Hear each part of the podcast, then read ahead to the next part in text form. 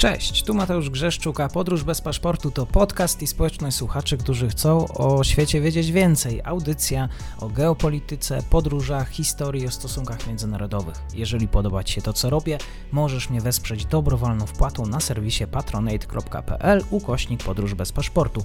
Serdecznie za to dziękuję, bo właśnie dzięki temu mam szansę rozwijać to miejsce. Obserwuj, polub i udostępniaj dalej. Zapinamy pasy, czas na kolejny odcinek podróży. Dzień dobry wszystkim słuchaczom. Dzisiaj wyjątkowy dla mnie odcinek, bo również e, należę do fanów dyskusji, które są prowadzone w ramach Wojny Idei. Szymon Pękala, który prowadzi kanał, jest moim gościem. Oczywiście tutaj cytat. E, kanał zarówno Szymon mówi, jak i Wojna Idei promuje ideę otwartego dialogu zwłaszcza e, z ludźmi, z którymi się nie zgadzamy. Mam nadzieję, że tych punktów spornych dzisiaj będzie jak najmniej. E, no i dziękuję Ci za to, że możemy się spotkać. Również dziękuję i miło mi też, że możemy porozmawiać. Na moim kanale rozmawiamy o geopolityce, e, stosunkach międzynarodowych. Wiemy, jak wiele zależy od przyszłych pokoleń. Moi goście, eksperci podkreślają, że następuje dzisiaj dosyć duża zmiana w świecie, że nie jest to świat, w którym USA i stara Europa mają znaczenie. Nasz wzrok sięga w stronę Azji i Pacyfiku. USA nie są już tym światowym arbitrem. Te stosunki są naprawdę o wiele bardziej złożone. Dlatego chciałbym zapytać o takie duże słowa na początek, jak suwerenność, niepodległość, samostanowienie. Tak jak w futbolu Dzisiaj polska dyplomacja jest na szarym końcu. Nie wykorzystujemy naszego położenia, nie wykorzystujemy naszej pozycji. Stąd pytanie do ciebie, bo mimo wszystko dyplomacja to jest takie ogólne słowo, ale za tą dyplomacją stoją ludzie, urzędnicy, ludzie, których wysyłamy do polityki albo którzy się do niej pchają. Kim dzisiaj w Twoim mniemaniu są te polskie elity?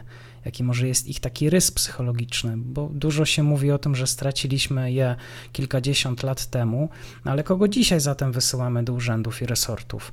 E, czy jest jakaś charakterystyka spójna tych, którzy decydują o nas, e, czasami za nas? Bo to chyba rozpoczyna się od zwykłego okienka w urzędzie. W ogóle raz jeszcze witam wszystkich i, raz jeszcze dziękuję za, za, za poruszenie tego tematu, który mam nadzieję też, że będzie ciekawy, chociaż tak jak, tak jak zostało zauważone, y, nie do końca się to wszystko pokrywa, że tak powiem, y, z tematami, które się u mnie, u mnie poruszają, ale, ale myślę, że sporo punktów wspólnych znajdziemy. Natomiast na to pytanie, które padło, wydaje mi się, że niestety nie ma jednej prostej odpowiedzi, ponieważ z uwagi na to, że tak jak mówiłeś, no mieliśmy w ostatnich y, kilkudziesięciu, kilkuset latach resetowane te nasze elity były wielokrotnie, prawda? Albo przez, albo przez czystki, albo przez emigrację, albo przez inne tragiczne wydarzenia. Dlatego też w tym momencie nie ma jednego środowiska, z którego te elity by się u nas brały. Tak jak na przykład w krajach takich jak Wielka Brytania, tego typu tradycyjne środowiska na przykład są.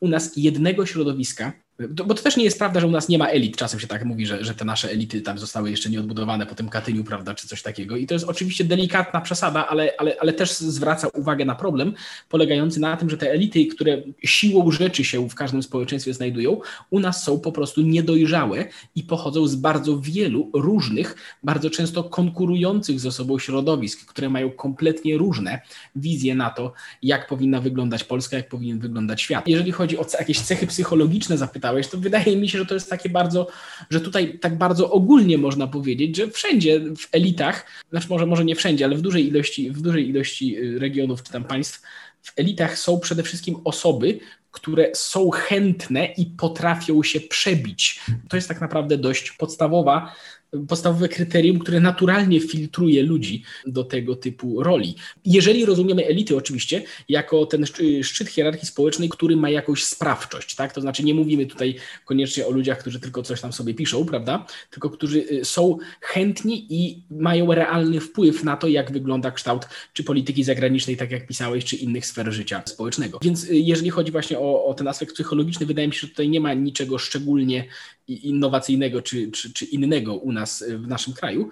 Natomiast jeśli chodzi o kwestię światopoglądową, czy kwestię podejścia do państwowości, czy właśnie do polityki zagranicznej, to tak jak mówiłem, w naszym kraju ściera się od lat bardzo dużo różnych środowisk. Do niedawna jeszcze bardzo aktywny, do niedawna, mówiąc do niedawna mam na myśli pewnie kilkanaście, kilka, kilkanaście lat temu, bardzo aktywny, teraz nadal istniejący, ale być może trochę mniej wpływowy był front elit wywodzących się z elit PRL-owskich, prawda? Ten element był bardzo, był bardzo istotny i wokół niego powstawało wiele, tak jak właśnie mówiłem, wiele środowisk, które próbowały może nie, nie naśladować, to być może nie jest najlepsze słowo, ale tworzyć konkurencyjne ośrodki, konkurencyjne środowiska, które miały wypełniać, odsuwane jednak, znaczy może nie odsuwane to też nie jest być może najlepsze, naj, najlepsze ujęte, ale miały próbować przynajmniej zastępować te elity dotychczasowe, które no jak wiadomo, nawet po transformacji miały swoje określone cele i cele te niekoniecznie były spójne z, może inaczej, coraz więcej ludzi w naszym, w naszym narodzie miało bardzo wyraźnie sprecyzowane, że nie podoba im się to, jak te, jak te cele były realizowane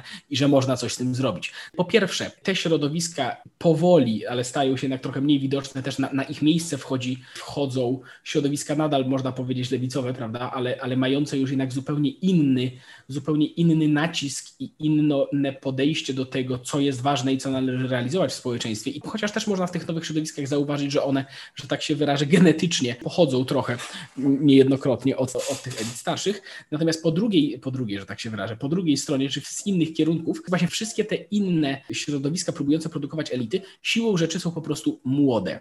I dlatego są bardzo często niedoświadczone, bardzo często dlatego też nie mają wyrobionej jednej linii czy jednej wizji. Ta wizja się zmienia, ponieważ jest testowane, co działa w społeczeństwie, co nie działa w społeczeństwie, co ludzie chcą wybierać, czy, co, czego ludzie nie chcą wybierać prowadzi to wszystko do takiego delikatnego chaosu, ponieważ za każdym razem przy kolejnych wyborach to nawet nie mamy takiego czegoś, że zmienia się, że nie tylko wraz ze zmianą ekipy rządzącej, czy właśnie stopniowym wymienianiem tej części elit, która ma wpływ na to, jak wygląda kształt życia, życia społecznego, to nie są tylko kosmetyczne zmiany, czy pewne zmiany kierunków. Niejednokrotnie dokonuje się kompletna wymiana wizji naszego miejsca i naszego i, i strony, w którą w ogóle powinniśmy patrzeć. W kwestii y, polityki zagranicznej, tak jak wspomniałeś, różnica między tym, jak podchodził do te, podchodził do tematu przez 8 lat Platforma Obywatelska, jak podchodzi teraz Prawo i Sprawiedliwość, jest diametralna. I to nie jest kwestia wyłącznie tego, gdzie się tam ulokujemy i w którą stronę będziemy patrzeć, ale kompletnie odwraca azymut, kogo próbujemy, raczej tak należy powiedzieć, kogo próbujemy traktować jako naszego protektora, od kogo próbujemy y, wyciągać, że tak powiem, istotne dla nas zmiany, istotne dla nas dźwignie nacisku w relacjach z innymi. Też widać w wielu tego typu, w wielu próbach realizowania tego, że no nasi, kochani, nasi kochani rządzący nawet obecnie niejednokrotnie się potrafią przejechać na swoich planach i przejechać się na y, tym, komu zawierzają i, i tym, komu, y, z kim liczyli, że zostaną potraktowani poważnie, a jest to bardzo często realizowane nie do końca tak. I wydaje mi się, że to wszystko bierze się właśnie z braku doświadczenia, że są to ludzie, którzy nie są zakorzenieni w środowisku, które od dziesięcioleci kieruje, czy nawet setek lat w niektórych przypadkach w innych krajów, kieruje tego typu gałęzią, gałęzią społeczną i dobrze wie co i jak, tylko ogromna, mam wrażenie, przynajmniej takie, większe większość tych ludzi jest w ten czy w inny sposób nowa na swojej pozycji, a z tym idzie po prostu, tak jak mówiłem, brak doświadczenia, a kolejnym naturalnym skutkiem tego jest to, że nie zawsze kończy się to wszystko tak, jakbyśmy chcieli. A może y, ta kondycja elit jest związana również z kondycją think tanków, organizacji pozarządowych, które mogłyby stanowić tego typu y, myśl, y, stanowić tego typu kuźnię dla tych elit? To znaczy tak, jaki jest stan takich think tanków czy środowisk, które próbują być kuźnią elit. Tutaj podobny, że tak powiem, zarzut można im postawić, co, co samym elitom, czyli wszystkie tam, większość z nich jest po prostu bardzo młoda. I z tym tutaj jest dodatkowy problem, ponieważ nie tylko są obarczeni, obarczone one brakiem właśnie doświadczenia i być może błędami, które za tym muszą iść. Wydaje mi się, że tego typu środowiska, aby były brane na poważnie i aby autentycznie przyciągały i aby miały, że tak powiem, stabilny wizerunek, muszą mieć pewnego rodzaju renomę muszą mieć pewnego rodzaju osiągnięcia, muszą się kojarzyć, muszą mieć markę, że tak się wyrażę, można tak to ująć. A większość tego typu naszych środowisk Mam wrażenie przynajmniej, że takiej marki nie ma, właśnie przez to, że jest w miarę młode, że, są to wszystko środowiska młode, więc, więc tutaj, tutaj dochodzi kolejny element problematyczny. I myślę, że masz rację, że dodatkowo kolejnym, no myślę, że można powiedzieć, problemem jest to, że żyjemy w świecie, który bardzo szybko zmienia się i bardzo szybko zmienia się podejście społeczne do realizowania pewnych ról i do tego, jak społeczeństwo ma być zorganizowane. W takich realiach właśnie brak tradycji elit, tradycji, że tak powiem, w jakichś środowiskach formowania elit, powoduje to, że ci młodzi ludzie, którzy nawet właśnie chcieliby coś zrobić, właśnie szukają tego, nie wiedzą, gdzie powinni tego szukać, nie wiedzą, nie mają utartych schematów, gdzie się szuka takich rzeczy i bardzo, bardzo możliwe, że szukają właśnie tego w jakichś środowiskach internetowych, w jakichś forach dyskusyjnych, w jakichś grupkach na Discordzie czy w innych tego typu miejscach, gdzie czują, że rozmawiają o jakichś poważnych rzeczach, gdzie próbują się organizować do manifestowania gdzieś swoich poglądów i tak dalej, i tak dalej. Tylko, że wszystkie tego typu,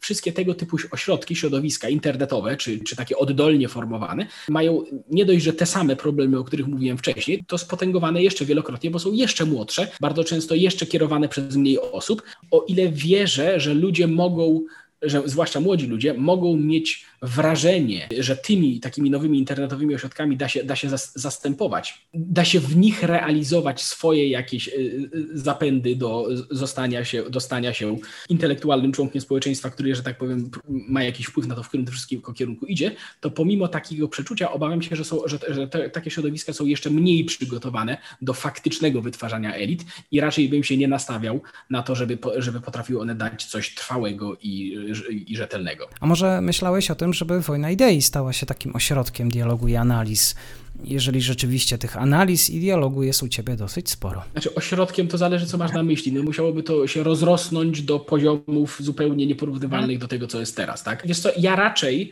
staram się nie dawać perspektywę, czy zachęcać do zastanowienia się, do zwrócenia uwagi na pewne rzeczy ludziom, którzy właśnie próbują się zajmować, również ludziom, którzy próbują się zajmować tym na poważnie. Natomiast czy ten mój ośrodek mógłby się zamienić w coś takiego, no to mówię, to musiałby, no wiesz, ja nie wiem, nie, nie wiem, co będzie za kilka lat, nie wiem, jak to, nie wiem, czy to się utrzyma, nie wiem, czy to się rozwinie, ale to musiałoby prze, przemienić się w coś zupełnie innego niż jest teraz, tak naprawdę. Wiesz, i ja nie wiem, w którą stronę to wszystko pójdzie, bo skąd mogę wiedzieć, ale, ale kanał na YouTubie, czy miejsce właśnie, gdzie co jakiś czas jacyś ludzie rozmawiają, wydaje mi się, że to jest coś wielokrotnie zbyt małego, żeby, żeby mówić o zajmowaniu tego typu roli. To znaczy, to jest raczej jeden, jeden z elementów znacznie szerszego obrazu, raczej w najlepszym wypadku traktowałbym taki, ten swój ośrodek właśnie jako źródło inspiracji ewentualnie dla ludzi, którzy gdzieś chcą na poważnie się w jakiś sposób organizować. No chyba, że tak jak mówię, w przyszłości jakiejś dalszej kompletnie zmieni to swój charakter i się rozbuduje do wielokrotnie większych rozmiarów niż jest teraz. No dobrze, a jeżeli nas słuchają młodzi ludzie, niezależnie od lewej i prawej strony, oczywiście teraz jest to ciężko e, podzielić, co jest lewo, a co jest prawo, no, ale no, jeżeli ktoś chciałby się zaangażować, e, to jakie think tanki wyróżniłbyś po obu stronach, które myślą o Polsce odpowiedzialnie? Nie będzie to oczywiście reklama, tak jak ty sam uważasz, z kim warto byłoby dzisiaj dyskutować. To jest trochę pytanie co zaliczamy do ośrodka, prawda? Ponieważ możemy wymieniać właśnie, wiesz, no, no po stronie, że tak powiem, bardziej progresywnej, czy też lewicowej umownie to możemy na, nazwać, y, no możemy wymienić chociażby takie środowisko jak środowisko polityki. Mam na myśli portalu, prawda, i dziennika. W tym, w tym momencie w sumie nawet nie wiem, czy to jest tygodnik, czy to, jest jeszcze, czy to jeszcze wychodzi w formie. Ale środowisko polityki jest na pewno środowiskiem, które jest poważne w tym, co próbuje robić i próbuje podchodzić do tego poważnie. Ja się oczywiście mogę dalece nie zgadzać z ich wizją na bardzo, bardzo wiele aspektów życia społecznego, ale w ogromnej większości przypadków nie robią oni tego w sposób sensacyjny, nie robią oni tego w sposób tani, nie robią tego w sposób zakłamany, przynajmniej w ogromnej większości przypadków. I myślę, że jest to, że jest to myślę, że właśnie słowo poważny jest tutaj jak najbardziej na miejscu i też w tym momencie nie potrafię przywołać dokładnie, ile lat ma już to, to środowisko, ale sprawia wrażenie przynajmniej, ponieważ też nie, nie sprawdzałem tego, ale sprawia wrażenie, że, że, że przynajmniej odrobinę tego doświadczenia ma. Tak jest, 57 rok, pierwsze wydanie polityki. No to, no to w ogóle, no to, no to to jest dokładnie w takim razie bezpośrednio kontynuacja tych, że tak powiem, starych elit, naszych, naszych starych, no, po, po, poprzednio systemowych, to tym bardziej wyjaśnia, że jest to środowisko, które wie, co robi. I tak jak mówię, myślę, że jest to, jest to dobry przykład.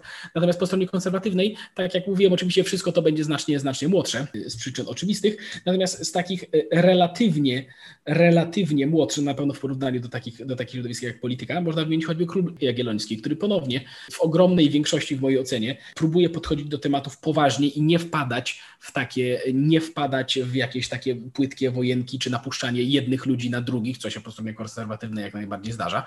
Podchodzić, tak jak mówię, do, ponownie myślę, że, że podejście poważne jest tutaj jak najlepszym opisem tego. I jeżeli ktoś próbuje się zainteresować się właśnie realizowaniem jakiejś, jakiejś myśli, myśli elitarnej w naszym kraju, to mo, można, mo, można, można zacząć przyglądanie się od tego typu ośrodków, chociaż tak naprawdę też porównując te dwa, myślę, że o klubie jagiellońskim można powiedzieć dokładnie to samo, co mówiłem wcześniej, że cierpi on na brak doświadczenia w pewnych kwestiach. Ale może to jest tylko, moje, może to jest tylko moja perspektywa, może ktoś tutaj mnie będzie poprawiał zaraz, ale mam wrażenie, że w pewnych jego działaniach i w pewnych jego pomysłach i rzeczach, które próbują postulować, właśnie brak, znaczy może nawet nie tyle, że brak, ale widać, że robią to w sposób relatywnie nowy. Więc, ale to jest, mówię, to jest charakterystyczne dla, dla ogromnej ilości te, tego typu środowisk u nas. Możemy pracować tylko z tym, co mamy, że tak powiem. Przejdźmy dalej. Chciałbym Cię zapytać o etos pracy urzędnika. Czy dzisiaj y, wymagamy dzisiaj od nich więcej niż kiedyś? I też pytanie, czy ta, tego typu praca może być y, tą atrakcyjną? Wiesz co, no tutaj mogę powiedzieć szczerze mówiąc, chyba tylko z własnego doświadczenia i z doświadczenia, że tak powiem, mojego otoczenia, bo nie, nie wiem w ogóle, jakie są nastroje społeczne w ocenie tego.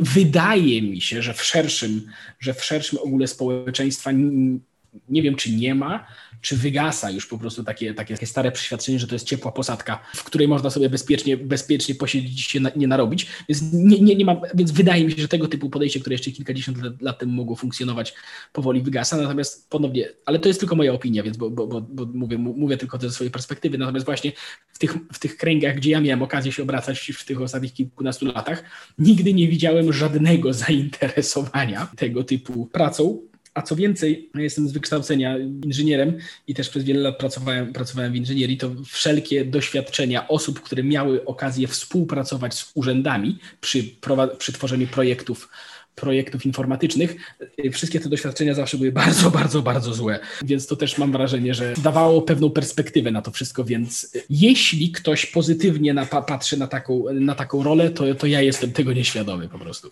Od urzędnika oczekujemy właściwie szybkiego załatwienia sprawy, a jeżeli jesteśmy już przy oczekiwaniach, to proszę Cię o taką obserwację. E, jakie my, Polacy, właściwie mamy wymagania wobec państwa? Czy wystarczy nam ta ciepła woda w kranie, które przestrzenie młodzi Polacy oddaliby dzisiaj do decydowania innym, a których kwestiach w ich mniemaniu powinni decydować sami i czy też może różnimy się w tym od innych Europejczyków? No to jest bardzo duże pytanie i dużo aspektów mam. Więc jak, jeśli o którymś zapomnę, to proszę mi tam przypomnieć.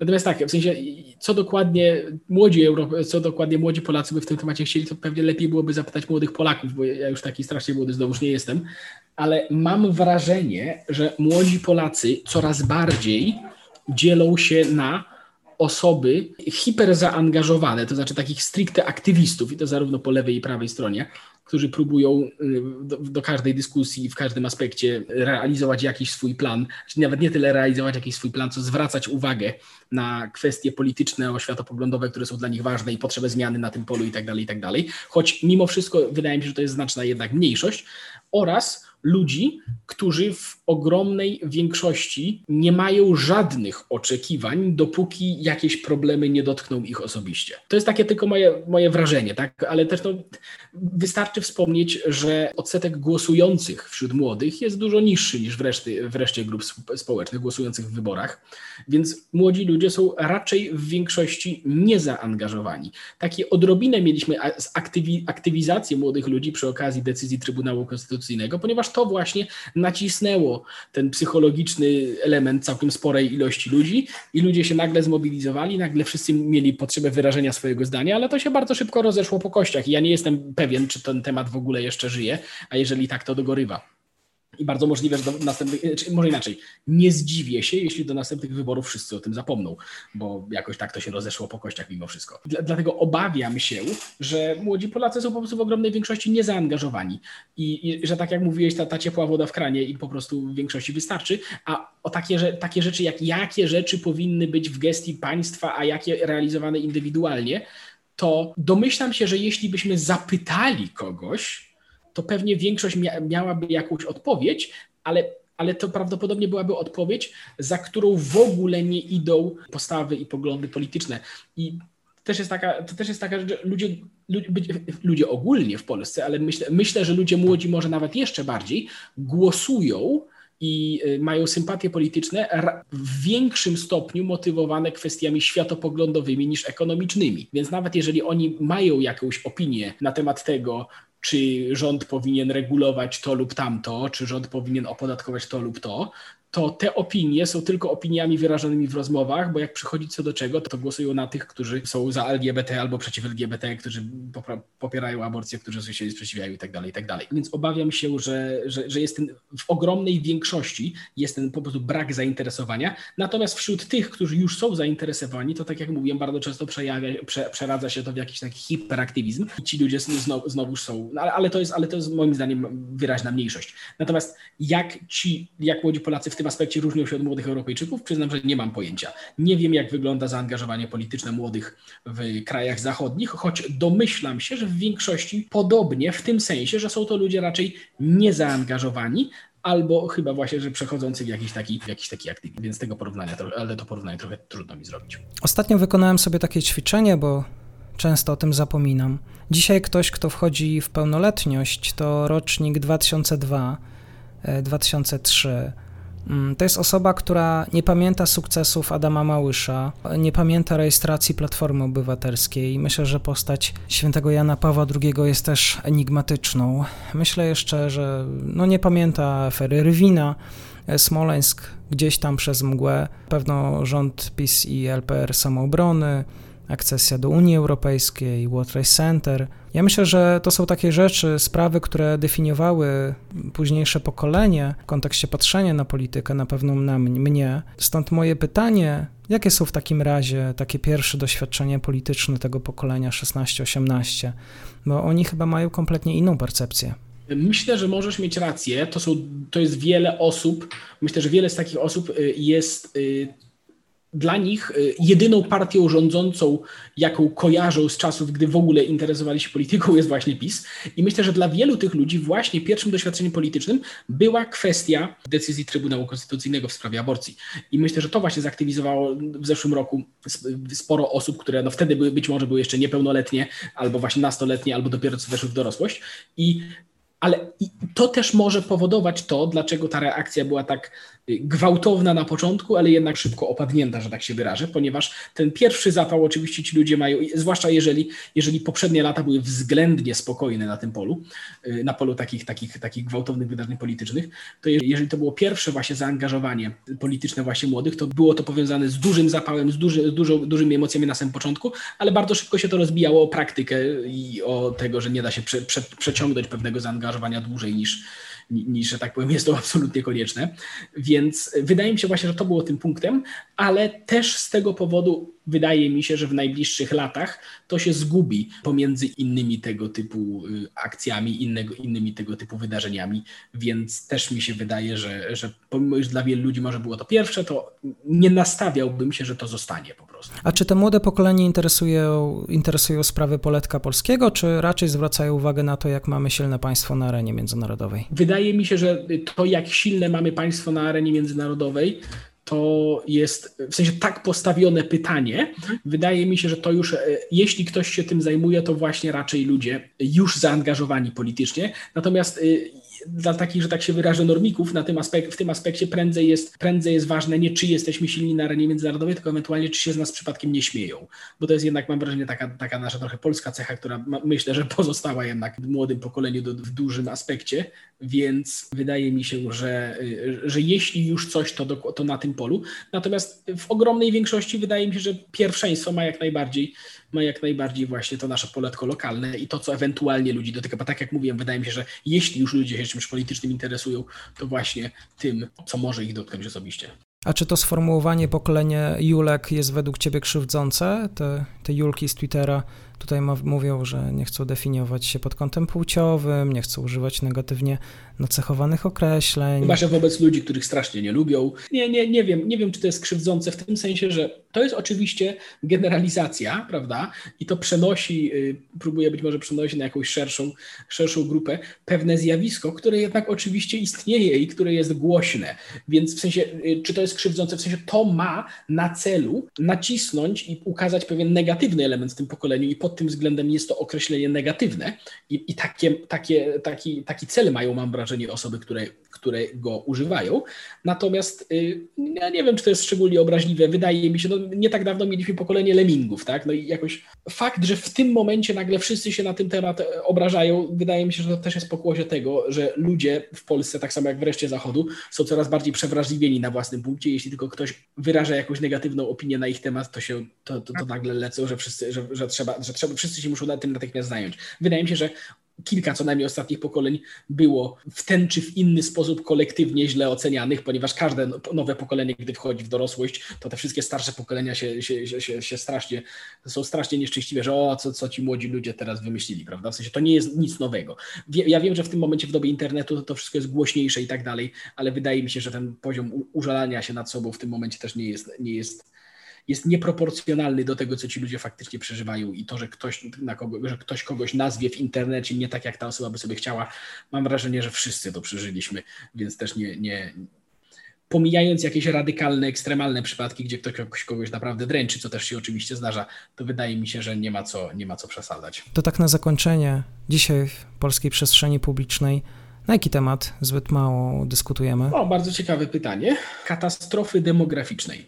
Aha wymieramy. Mamy 1,4 dziecka na parę w Polsce i obawiam się, że nie da się tego cofnąć, w sensie, że, że zmiany, bo to jest, to jest problem kulturowy, a nie tylko, bo niektórzy mówią, że, a, że problem ekonomiczny, jak ludzie będą bogatsi, to będą mieli dzieci. Nie, są bogatsze kraje niż Polska, które mają dokładnie ten sam problem, więc y, zbliża się do nas katastrofa demograficzna i nic nie wskazuje na to, aby, może znaczy, przy, y, nie, dobrze mówię, nic nie wskazuje na to, aby miała zostać ona rozwiązana w jakikolwiek inny sposób niż w innych krajach europejskich, to znaczy wcześniej czy później ten albo kolejny rząd ściągnie do nas masę imigrantów, ponieważ ludzie po prostu skończą się ludzie do pracy. Zresztą już ściąga tak naprawdę, tylko nie wszyscy o tym, wszyscy o tym mówią. I y, nagle się ludzie ockną i będą strasznie nieszczęśliwi z tego powodu, ponieważ pomimo, że emigracja, imigracja ekonomiczna jest bardzo korzystna dla gospodarki, oczywiście z perspektywy makro, no to też, że tak, po pierwsze nie ma co się dziwić, że, ma, że może mieć też negatywne zjawiska, tak jak no, nie musimy mówić, na zachodzie Europy to się zdarza, y, a negatywny od, a jej negatywny odbiór społeczny też jest czynnikiem, który ponownie ludzie się wcześniej czy później obudzą i nagle i będą strasznie zdziwieni, ale będą to ci sami ludzie, którzy nie mają wcale dzieci albo mają jedno. Więc myślę, że zdecydowanie za mało się mówi o katastrofie, o nadciągającej, żeby nie powiedzieć już trwającej katastrofie demograficznej, która w, w ciągu najbliższych kilkudziesięciu lat fundamentalnie wywróci to, jak wygląda nasz kraj, ponieważ całkowicie będzie musiał zostać zmieniony system świadczeń społecznych, świadczeń emerytalnych, ponieważ absolutnie nie będzie mógł on być oparty o zastępowalność pokoleniową, bo tej nie ma. Może się okazać, że zostaną, może się okazać, że nastąpią y, zauważalne zmiany w demografii, w demografii et, pod względem etnicznym, nawet prawda, w Polsce i tak dalej. I to wszystko jest pokłosie tego, że Polacy dzieci mieć nie zamierzają. I, i myślę, że można by zacząć o tym mówić, ponieważ wcześniej czy później ktoś się o tym obudzi i zacznie się krzyk. To tak zamykając w takim razie klamrą, temat, który uważasz, że jest, nazwijmy to po młodzieżowemu, przehajpowany i już chyba zbyt męczący dla ciebie. Męczący jest dla mnie temat, że tak się wyrażę, na przykład y, ciągłego używania mniejszości seksualnych albo jako, nie wiem, dźwigni nacisku, albo jako straszaka na społeczeństwo, zależnie która strona to robi, ponieważ, że tak, ja rozumiem, dlaczego to się robi, tylko po prostu ja, ja bym po prostu wolał, żeby pewne e, postulaty, które, że tak powiem, niektóre osoby sensow, no, w zrozumiały sposób podnoszą, zostały po prostu rozwiązane. Zaspokojono by, że tak powiem, jakieś realne problemy, które, które niektórzy ludzie mogą mieć i to by rozwiązało ten temat i moglibyśmy po prostu ten temat skończyć, bo w tym momencie ten temat jest wałkowany w nieskończoność i on jest wałkowany, wszyscy dobrze powinni, wszyscy prawdopodobnie zdają sobie sprawę z tego, że jest on wałkowany przede wszystkim po to, żeby wyciągać od ludzi głosy, prawda, i i, podgrzewać cały czas aferę i móc wskazywać na to, że kto tu jest wrogiem publicznym, kto tu nie jest wrogiem publicznym. I, ale ja rozumiem, że to nie można tak po prostu przestać o tym mówić, prostu pewne zmiany powinny, powinny, powinny, że tak powiem, nastąpić i wtedy moglibyśmy przestać o tym mówić w końcu, bo to nie jest temat, bo to nie jest temat, który wydaje mi się, że są tematy znacznie, znacznie poważniejsze w polityce, ale ponieważ wiem, że ten temat jest emocjonujący i rozgrzewający, to też nie łudzę się, że szybko to przestaniemy o tym. Bardzo dziękuję za nasze spotkanie. Dzisiaj rozmawialiśmy i trochę o administracji, i o dyplomacji, i o młodych, e, a o tym mówił Szymon Pękala, Wojna Idei. Szymon mówi. Dziękuję serdecznie za nasze spotkanie. Dzięki również, do usłyszenia.